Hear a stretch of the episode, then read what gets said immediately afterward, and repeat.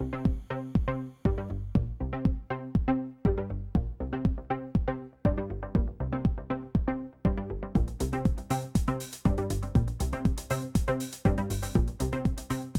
kvöld og velkomin að speklinum. Um sjóni kvöld hefur Ragnhildur Torlasíus. Hættusteg og rýming hefur tekið gildi á segðisfyrði vegna skreiðu hættu og úrkomu. Sífælt fleiri fara í efnaskipta aðgerðir á ein vegum á engastofum hér á landi eða erlendis. Þar getur undirbúningi og eftirfylgni verið ábótavand að mati yfirlæknis offituteimis reykjalundar. Afleðingarnar geta verið alvarlegar. Mósfellsbær ætlar að bregðast hart við ef skilirði sem settir fyrir áframhaldandi urðun sorps í álsnesi verða ekki virt. 700 millilítra flaska vodka hækkar um 200 krónur við hækkun áfengiskjald sum áramót. Og breski leikarinn Russell Brand hefur verið kærður fyrir kynferðisbrott og öllum uppistandsýningum hans verið frestað. Gripið hefur verið til rýmingar á seyðisferði vegna mikillar úrkomu á Östurlandi. Appelsínugul veður viðvörun tekur gildi á Östfjörðum á miðnætti og hættustig er í gildi vegna hættu á skriðuföllum. Og á línunni er Dagný Erla Ómarsdóttir, hún er fulltrúi sveitastjóra á seyðisferði. Sælu blessuð Dagný. Hæ, hæ. Ertu, veistu, er búið að rýma?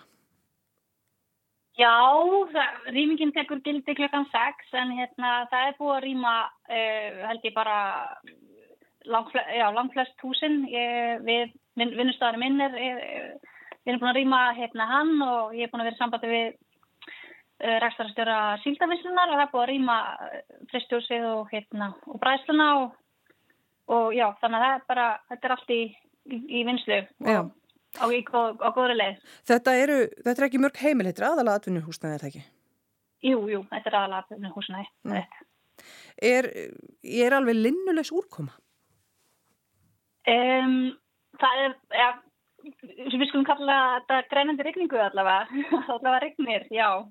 En, en, en ég myndi náttúrulega þetta er ekkit, ekkit rosalega mikið eins og er, sko. Nei og hérna þannig að segðfyrðingar eru svona því haldið alveg ró ykkar þrátt fyrir það sem að já, ykkar sögu síðan í, í, síðan í desember 2020 Já, sko regningin núna er, er alls ekki í líkingu eins og var hann 2020 og við erum náttúrulega líka eh, reynsunni ríkari og, og, og fyrir mitt leiti þá, veist, þá upplifi ég dæmis þessa rýmingu sem ákveðna öryggisagent þannig að hérna, veist, og, við, manni líður eins og sé verið að fylgjast vel með þannig að hérna auðvitað kemur þetta viðmann og, og, og, og örglega fleiri bænum en hérna en ég hef myndið búin að vera að hugsa þetta sjálfur það var okkur örgistilfinning sem maður finnir líka sko þannig að sem er bara mjög gott Takk fyrir það. Dagni Erla Ómarsdóttir fulltrúi sveitastjóra á Seyðisfyrði og við fjöllum nánar um þetta síðar í speklinum þá verður rætt við jarðfræðinga og ofanflóða vakt viðurstofunar.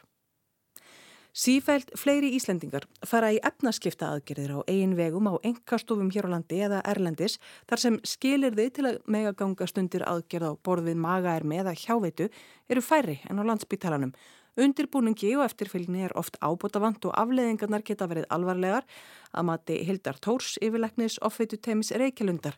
Farið sé að líta og efna skipta skurð aðgerðir sem útlitsaðgerð. Hún kallar eftir því að þau sem fara á einvegum í aðgerð geti fengið undirbúning og eftirfylgni.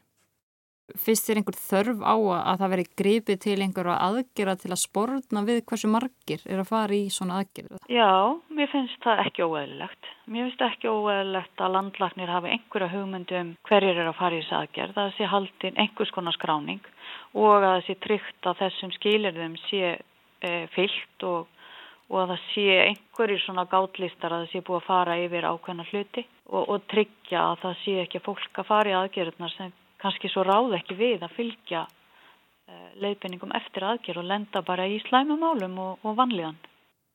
Saði Hildur Tórsi við talið við urði örlegstóttur nánaverður fjallaði málið síðar í speklinum.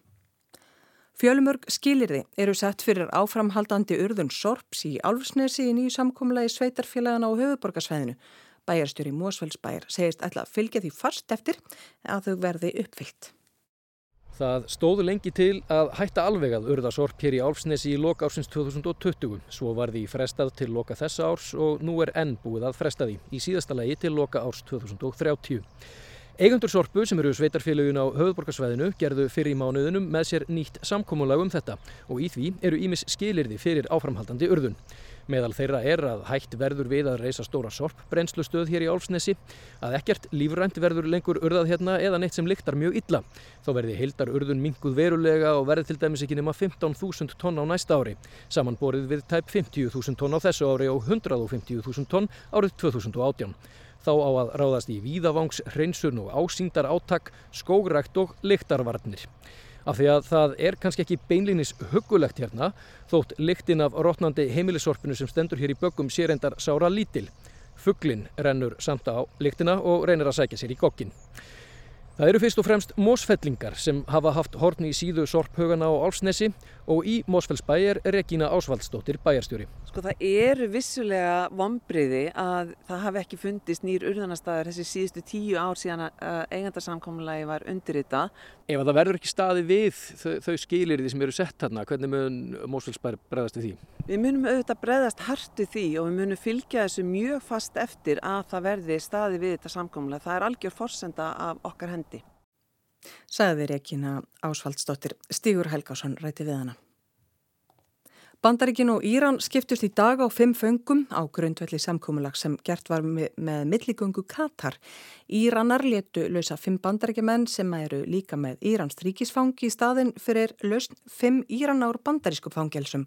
Fangarnir voru sendir með vél til Katar í dag. Joe Biden bandaríkja fórseti samþykti fangaskiptin þrátt fyrir rep gaggrinni republikana. Fleira hekk á spýtunni í skiptunum því að Íranar fengu líka til sín jafnverði ríflega 800 miljardar króna og af oljutekjum sem Trump þáverandi bandaríkjafórseti fristi árið 2018 þegar hann dró bandaríkin út úr samningi við Íran um að dreyið úr erði úr framleiðslu á kjartnorkuvopnum. 700 millilítra flaska vodka hækkar um 200 krónur við hækkun áfengiskjalds um áramót. Hækkunin nefnur 3%.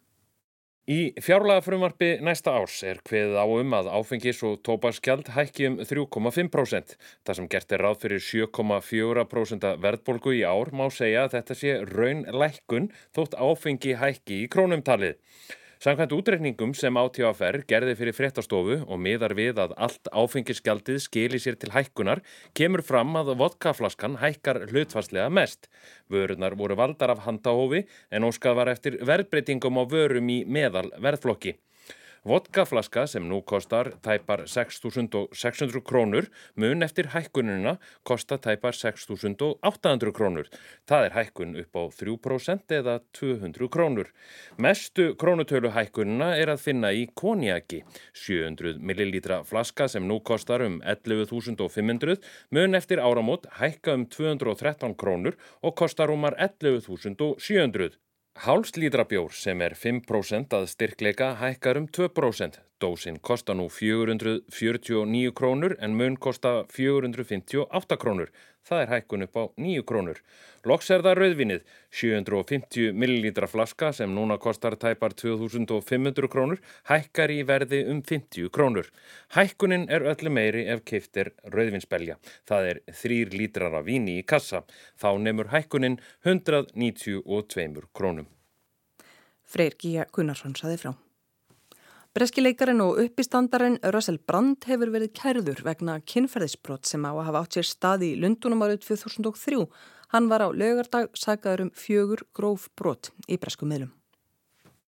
Kæra barst lauruglunni í Lundunum í gær einum degi eftir að breskir miðlar greindu frá myndum grófum kynferðisbrotum Brands á hápunkti fræðar hans. Þremur síðustu síningum uppvistans hans hefur verið frestað meðan laurugla hefur máli til skoðunar. Lauruglan hvaðst hafa haft samband við miðlana í kjölfar umfjöllunarinnar til að tryggja að fleiri meint fórnarlömp vissu hvernig hægt væri að koma málunum til lauruglu, sama hversu langt væri um liðið.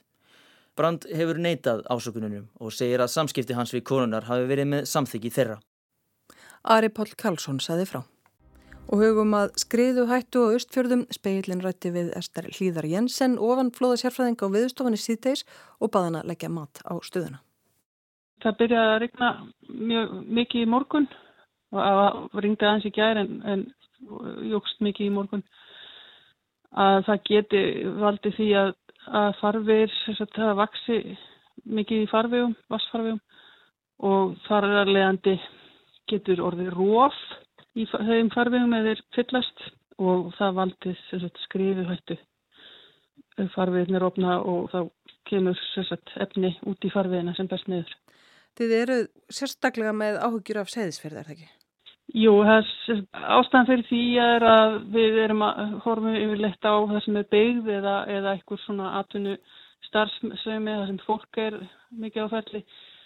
Þetta, þetta á líka við um vegi og, og aðra staði, það sem fólk er, er bara á ferðalagi en svona það sem við þurfum að beina aðalega sjónum okkar að er það sem er svona þéttbílt.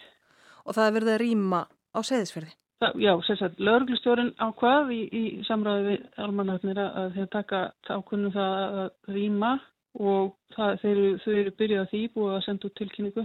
Þannig að þau fara bara í þá að verði frá klukkan 6 í kvöld verður á að vera búið að framkvæma það. Þið viljið ekki hafa neitt þarna undir fjöllunum í nótt? Við metum það svo að það geti komið, við veitum náttúrulega ekki hvaða staður geti horfið undir en, en farveitnir munu hérna hugsanlega ekki geta ráði við þessa miklu úrkomi þetta er svo mikil ákjef og í spánni er sagt, þannig að það hefur ekki ringt einst mikið á að sér í dag eins og á hinnum stöðunum en við búumst við því að það geti breyst í nótt þegar að vindótt breytist. Og þess vegna viljum við vera með bara allan varan á. Þannig að þessi ekki farið inn í nóttina á þess að vera búin að gera rástaðanir. Frá því að stóra skriðan fjall í desember 2020 þá hafið þið verið með mælingar þarna á svæðinu og sjáu þið eitthvað reyfingu á jærðveginum, á sprungunum? Nei, það sagt, hefur verið mjög þurft og vastaða er í rauninni sögulegu lámarki í bórhólum sem við fylgjast með.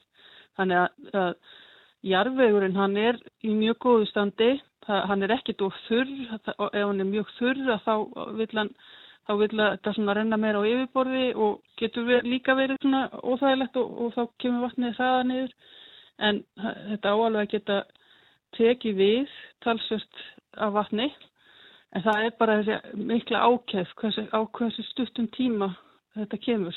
Þið gerir ekki ráð fyrir risaskriðum, skiljið þið rétt? Já, það þarf að byggjast upp mikill vastrýstingur til þess að það geti farið svona djúbstæðar skriður fara af stað og þessi vastrýstingur hefur ekki byggst upp, það er, það er mjög lágvarsæð í, í bórhólunum og það tekur tíma að í rauninni að, að það byggjast upp, þannig að það, það er í rauninni þegar það búið að rigna í einhverja daga sem að hérna við þurfum að sjá það. Þetta var Ester Líðar Jensen.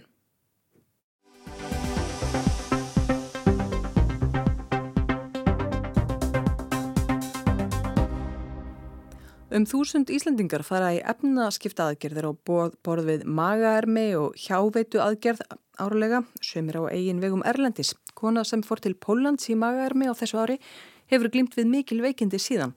Yfirlagnir offitu teimis Reykjalundar segir að farið sé að líta á efnaskiptaskurðaðgerðir sem útlitsaðgerð. Árið 2018 voru gerða rúmlega 200 etnaskipta aðgerðir eða offitu aðgerðir á Íslandi en þær voru fimmfalt fleiri árið 2022.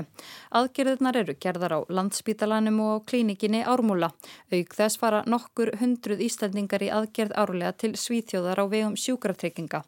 Að auki fara einhverjir í aðgerð Erlendis á eigin vegum. Að minnstakosti 25 hafa farið í slíkar aðgerði til Pólans á vegum hei medikal í ár en hildar fjöldi aðgerða Erlendis er óþektur. Áskerður Arnadóttir er einn þeirra sem fór á eigin vegum í magaermi. Ég var búin að reyna allt til það letast og var bara í rauninu búin að gefast upp og til þess að fá betri heilsu og þetta var bara orðin einalegin sem ég sá. Hún ákvaði í desember að fara út í aðgerð með milligöngu íslensk fyrirtækis. Hún hafði samband og fekk sendan spurningalista um heilsufar frá KCM spítalanum í Pólandi. Eftir að hafa svarað listanum þótti áskerði ólíklegt að aðgerðin er því samþygt vegna þess hver mörgu á listanum hún svaraði játandi. Aðgerðin var þó samþygt og henni var búið að koma strax í janúar. Skömmu fyrir aðgerðina lest móður hennar. Þá var aðgerðin það líka. En ég gerði mér ekkert alveg greið fyrir því. Ég skildi fara í þess aðgerð og það þýtti ekki neitt fyrir neitt að segja neitt við mig. Dóttir mér var á móti en ég hlustaði ekki. Andlegur og líkamlegur undirbúningur var engin en hún fór í rannsóknir á spítalanum degi fyrir aðgerðina sem var framkvæmt 18. februar. Hún gekk ekki vel. Það erðu miklar blæðingar og hún misti mildað. Áskyrður fór heim til Íslands nokkrum dögum síðar. Tveimur vikum eftir heimkomu byrjaði hún að veikjast og lá meira og minna inn á landspítalanum þar til í lok júli. Hún býra Húsavík og þurfti að fara í 5 sjúkrafljóð á þessu tímabili. Áskyrður hefur lest um 40 kíló síðan hún fór í aðgerðina aðgerðina. Hún lettist hratt en það spiliðu veikindin inni. Hún fekk mikla aðstóð frá heilbreyðiskerfinu hérna heima en segist óska þess að hafa aldrei farið í aðgerðina. Ekki gera það svona eins og ég gerði. Það er ekki sniðut. Ég þóttist þau að gera allt rétt, fekk eftirfylgnina en ég hlustaði ekki á hættunar. Hildur Tórs, yfirleiknir offiti teimis Reykjalundar, segir að farið sé að líta á efnaskipta skurðaðgerðir sem útlitsaðgerð. Hún kallar eftir að þau sem fara á eigin vegum í aðgerð geti fengið undirbúning og eftirfylgni líkt og sé gert fari fólki í aðgerð á landsbytalanum. Það er svo mikilvægt að, að vinna með vennjur, vinna með andlega líðan, vinna með áföll, streitu, átköst mm -hmm. og þess að það hluti áður en að fólk í raun og veru teku nokkra ákvörðin um hvort aðgerð sé rétt að yngreipið eða ekki. Fólk eigi að fylgja ströngum leðbynningum eftir þessar aðgerðir. Til dæmi sé mikilvæg eftirfylgni að fólk fái næringaraðgjöf. Eftir svona aðgerð þar sem er búið að minka magan þá er náttúrulega pláss fyrir miklu minni mat. Þannig að fólk þarf algjörlega þekkja hvað er matur með næringu og hvað er næringasnauðar hittæningar. Að þau bara til þess að ná þeim næringarefnum sem fólk þarf, þá þarf það að kunna velja þarna milli til þess að lenda ekki í næringaskorti og vanlíðan. Aðgerðunar geta einning haft í fyrir með sér ófyrir séðar aukaverkanir. Vísbendingar eru um að eftir slíkar aðgerðir sé fólki í aukinni hættu á alkoholisma. Maður getur fara að leita eðra hluti, margir leita í mat ef, þegar þeim líður ítla og það er eitthvað svona bara sem að fólk svolítið lærir bara í gegnum tíðin og hafa náttúrulega verið síðir þjóðarana lengi. Við notum mat til að hugga okkur, við notum mat til að gleyðjast. Þegar maður getur það ekki lengur að þá er spurning í hvað annað maður leitar þegar manni líður illa. Og þá því miður, kannski kann fólk ekki réttu bjargráðinn og fer þá að leita í ýmsar fíknir til að fá hugar frá og, og, og velliðan. Á Reykjalundi er búið upp á þverfaglega meðferð fyrir einstaklinga með offitu. Dagdeildarmeðferðin tekur eitt ár að henni lokin er tekin ákverðun hvort fólk fari í aðgerð. Samstarfið milli Reykjalundar og landsbítala um undirbúning fyrir aðgerð. Metið er í hverju tilfelli fyrir sig hvort einstaklingur uppfylli skilir til að fara í aðgerð. Meðal skilir það eru ekki virk áfengis og vímuöfnaneysla. Aldustakmörk eru 18 til 65 ára og fólk þarf að vera með líkamsþingdarstöðl BMI 40 eða herra eða með BMI yfir 35 ef fólk er með alvarlega fylgikvilla. Auðvita eru þetta mörkin sem allir eiga miða við. Þetta er það sem er talið eiga við þessar aðgerðir og einstaklingar sem eru léttari en þetta ekki með þetta háan líkans þingdastöðul. Það er í algjörum undanteknaðar tilvikum að það sé mælt með aðgerð fyrir þessa einstaklinga. Fari fólki í aðgerð á eigin vegum á klínikinni eða erlendis eru kröfunar ekki þær sömu og flestir sem óska eftir aðgerð virðast fá að fara í hana. Fyrst er einhver þörf á að það veri gripið til einhverja aðgerða til að sportna við hversu margir er að fara í svona aðgerð? Já, mér finnst það ekki óæðilegt. Mér finnst ekki óæðilegt að landlagnir hafi einhverja hugmyndum hverjir er að fara í þessu aðgerð. Það sé haldinn einhvers konar skráning og að það sé tryggt að þessum skilirðum sé e, fyllt og, og að það sé einhverjir svona gátlistar að það sé búið að fara yfir ákveðna hluti og, og tryggja að það sé ekki fólk að fara í aðgerðunar sem kannski svo ráð ekki við að fylgja e, leiðbenningum eftir aðgerð og lenda bara í slæmumálum og, og vanlíðan. Saði Hildur Tór, Urður Örliksdóttir tók saman.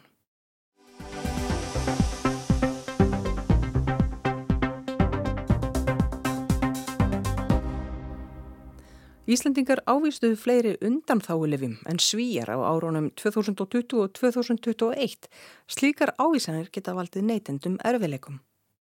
Ávísun undanþáulefi á Íslandi árið 2020 var meiri samanborið við Svíþjóð þegar hortið til fólksfjölda og fjölda skráður að livja í löndunum. Þetta er meðal þess sem framkemur í grein sem byrtist í læknablaðin á dögunum. Þar er umfang undanþáulifja á árabilinu 2020 til 2021 greint og borið saman við Svíþjóð árið 2020. Í greiningunni kemur fram að um 50.000 undanþáulifja umsóknir voru samþyktar árið 2020 en það voru um 46.000 árið síðar. Í Svíþjóð voru þar undir 40.000. Sigurbjörg Sæjun Guðmundsdóttir er formaður Livjafræðingafélags Íslands. Sangat þessari grein og þessari greiningu þá kemur í ljós að það vantar markasleifi náttúrulega fyrir það er það sem undan þá að lifa gangi út það vantar markasleifi fyrir lifi en það sem að stingur svolítið í augu við þessa greiningu er að 50 mestu ávísu undan þá lifin eru sömu lifin sem þýðir að sko og það eru 70% af þessum undan þá lifin 70% af undanþálegunum eru bara síðan tekinn aftur og aftur og aftur. Þú veist, lef sem við myndum vilja sjá markaslefi fyrir. Lef sem við myndum vilja sjá á markaði með íslensku leifinningum og með, þú veist, greiðslu þáttöku og með öllu þessu sem að fylgja því að hafa lefskráð á marka. Ástæða fyrir ávísun undanþáulífjana var í langflestum tilfellum svo að ekkert annað sambarlegt lif var á markaði. Þar hefur lífjaskortur áhrif en líka svo staðirind að Ísland er einfallega lítið markasvæði. Við skulum bara svona gefa okkur grein fyrir því að Ísland er bara pínu lítið markasvæði. Þótt okkur finnst við vera reysa stór, þá erum við svona bara eitthvað lítið sjááþorp út í allarshafi og erum ekki með nærði í mikið sko, markaði eins og bara Frakland og Þískaland og eða bara hinn Norrlöndin, Svíþjótt til dæmis. Og, og, og þar leiðandi er, sko, erum við ekki eins aðlæðandi fyrir liðafyrirtæki. Þetta er náttúrulega líka spurningum að ef þú ætlar að markasetja lið á Íslandi þá þarftu að borga fyrir það skráningagjald og þú ætti að þýða allt yfir á íslensku og það er kannski ekki þess virði þegar þú ert bara að fara að selja 500 pakningar versus einhverja marga miljónir annar staðar. Og þess vegna þurfum við bara svolítið að spyrja okkur hvað viljum við? Vist, er ekki mikilvægt að sé markaslegu fyrir lifin sem eru hérna á Íslandi?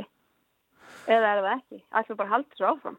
Þau bara að vera með undanþálu. En svo fólk að þeir skilji, hvað, hver er munurinn til að mynda á undanþáleifi og svo bara markaðsættur lifi og hvernig kemur það við neytendur? Ok, þegar þú fær undanþáleifi hendunar, þá er ekki markaðsleifi fyrir þetta lif. Uh, þar að leiðandi er ekki til upplýsingar á íslensku um þetta lif og læknir með ábyrgu fyrir því að upplýsa um helstu aukaverskanir og svo framvegis. Síðan er kannski ekki endilega búið að gera ráð fyrir sölu á þessu undanþóðu lifi að þetta áttandir að fara til Ísland. Já, einmitt. Uh, en, en, en hvað er það, undir hvaða kringustæði myndi maður til að mynda að fá undanþóðu lif? Það er til dæmis þegar það er sko, þú veist, lif sem hefur, sko, undanþóðu lif eru bara svona lif sem að seljast ekki það mikið að lifafyrirtæki telust ekki þurfa að sækja markaslegu fyrir það. Eh, eða þá til dæmis þegar það er bara livjaskortur. Livjafyrirtæki vilja ekki skrá lifin á markað því þau seljast ekki nægila mikið og því litlar eða engar markaðslegar forsendur fyrir slíkri markaðsetningu sem kostaði auki nokkur fjö og fyrirhöfn. Þetta tilur greinað höfundur læknablaðsis varhugavert. Er eitthvað lausnað þessum vanda að mati Sigurbjörgar? Sko ein lausn sem er nefndi í, hérna, í þessari skýrslu, það er til dæmis með þessa rafrannu fylgisveila Veist, það er að við séum starra markasvæði, að við stækkum markasvæði okkar, að við séum ekki lengur sko, Ísland bara, heldur að við séum tengd ykkur öðru markasvæði og þá e, væri það þannig að þú veist það væri kannski ekki krafa fyrir einasta pakning með íslensku fylgisæli, heldur væri þetta nálgast íslensku upplýsingarnar uh, á netinu. Hluti af vandanum snýr síðan að verði.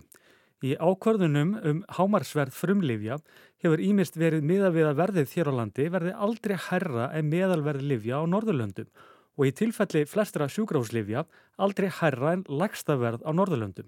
Það þýðir að verulega óhagstætt er fyrir livjafyrirtæki að flytja inn liv sem miðast við afar ólíkar markaðsarstaður en Íslandingar búa við. Eh, eða þá að þetta breyta þessu með þú veist að það er að gera kvatan fyrir lifafyrirtækin meiri að þau vilji, þau, þau vilja selja lifin á Íslandi.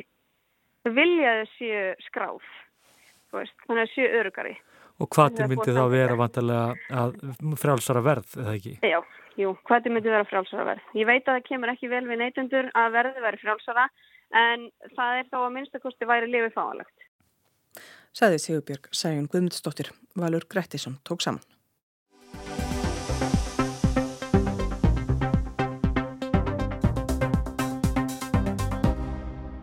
Úkrænska hernum tókst í gerðkvöld að rjúfa varnarlínu rúsnarska einráðsarliðsins í grend við borginna Bakmund í Donatsk hérraði í austur hluta landsins eftir harðabardaga undan farna mánuði. Oleksandr Sirki, yfirmaður landhersins, staðfæsti þetta síðdegis. Þeir hafa náð yfir áðum í þorpinu Klikski Keiva í Bakmút hérraði og flaggað þar úkrænska fánanum eins og sjá mátti á samfélagsmiðlum í dag. Þar er ætlunin að koma upp bækistöð til að ebla sóknina gegn innrásarliðinu í Donetsk að því er ukrænskir fjölmiðlar greina frá. Rússar náðu þorpin og sitt og aldi byrjun ársins. Ukrænski fjölmiðlinn Kiev Independent hafði sumar eftir hermönum á vikstöðunum að afar illa gengi að ná yfir áðum í klikski keifa. Fjöldanum öllum af jarðsprengjum hefði verið komið um hverfis þorpið og rússar letu sprengjum regna yfir þá. Sænska ríkisjónvarpið hefur í dag eftir Jókim Pasikífi í liðsfóringja í sænska hernum að russar hafi komið ótrúlegum fjölda af jarðsprengjum fyrir í Ukrænu af öllum stærðum og gerðum. Líkast til séu þær hvergi fleiri í öllum heiminum. Seks aðstóðar ráþarum í varnarmálaráðunettinu í Ukrænu var sagt upp störfum í dag. Þetta gerist halvum mánuð eftir að Volodymyr Selenski fórseti listi Oleksi Resnikov varnarmálar á þeirra frá störfum og skipaði Rusten Umertov í hans stað. Ukrænskir fjölmiðlar hafa eftir heimildarmönnum í stjórnkerfinu í kænugarði að það sé hæsta máta eðlilegt að aðstóðar á þeirra séu látnir fara þegar nýr ráð þeirra tekur við. Kíif Post segist þó hafa vísbendingar um að vítæk uppstokkun standi til í ráðuneytinu. Mesta aðtekli vekur að Hanna Maljar er meðal þeirra sem þurfa að taka pókansinn. Hún hefur gengt ennbætti aðstóðar á þeirra frá sumrunu 2021 og yðurlega stýrt bladamannafundum ráðunni til sinns og greint þar frá gangi mála á vikvellinum frá því að innrás rúsa hófst. Skömmu áður en tilkynnt var um brottræksturinn stýrðun enn mitt fundi í varnarmálaráðunitinu þar sem hún fóru yfir gang mála síðustu daga. 18 вересня 2023 року ми з вами в мілітарі медіа-центрі Міністерства оборони України. Framkom á fundinum að bardagar millir rúsnesku og ukrainsku herjana hefðu brotist út meira en 200 sinnum í síðustu viku. Ukrainski herin hefði náð nokkrum ára ungri í Donetsk héradi og meðal annars náð þorpunum Andri Ivka og Klikski Keiva á sitt vald. Hann hefði náð að frelsa 2 ferkilometra lands í vikunni. Þar með væru þeir ornir meira en 50 frá því að gagsóknin hófst í sumar. Hanna Maljar sagði að rússar hefðu í síðustu viku gert 45 eldflöga árásir á skotmörku í Ukrænu og um 400 loftárásir. Ukrænu útgáfa Forbes viðskiptatímaritsins greindi frá því um helgina að rússar hefðu til þessa varið um það byrj 167,3 miljörðum dollara til stríðsrekstrarins í Úkrænu. Útgjöldin nema um það byrj 300 miljónum á dag. Herrkostnaðurinn á fyrirluta þessa árs reyndist vera hærri en ráðamenn áalluðu að verja til aðgerðana allt þetta ár. Samkvæmt gognum Forbes hafa ríflega 50 miljardar dollara farið í beinan stuðning við hernaðar aðgerðirnar, 35 miljardar í laun hermana, 25 miljardar í skadabætur til fjölskyldna fallina hermana og 21 miljardur í bætur til særðra. Tjón á herrgögnum nefnur orðið 34 miljardum dollara samkvæmt gögnunum sem bladamenn Forbes öfluðu sér. Ásker Tómasson tók saman. Og í spekli kvöldsinn sögðu við meðal annars frá því að hættusteg og rýming hefur tekið gildi og segðisfyrði vegna skriðu hættu og úrkomu og viður horfur á landinu til minnættis annað kvöld, stíf norðaustlega átt og víða rigning, talsverð eða mikil úrkoma austanlands en hægara og úrkomu lítið suðvestan til, mild í veðri en kólnar heldur fyrir norðan á morgun. Fleira er ekki speklinum í kvöld, tæknimaður var Magnús Þorstedt Magnússon, Anna-Lísa Hermannsdóttir stjórnaði frétta átsendingu, veriði sæl.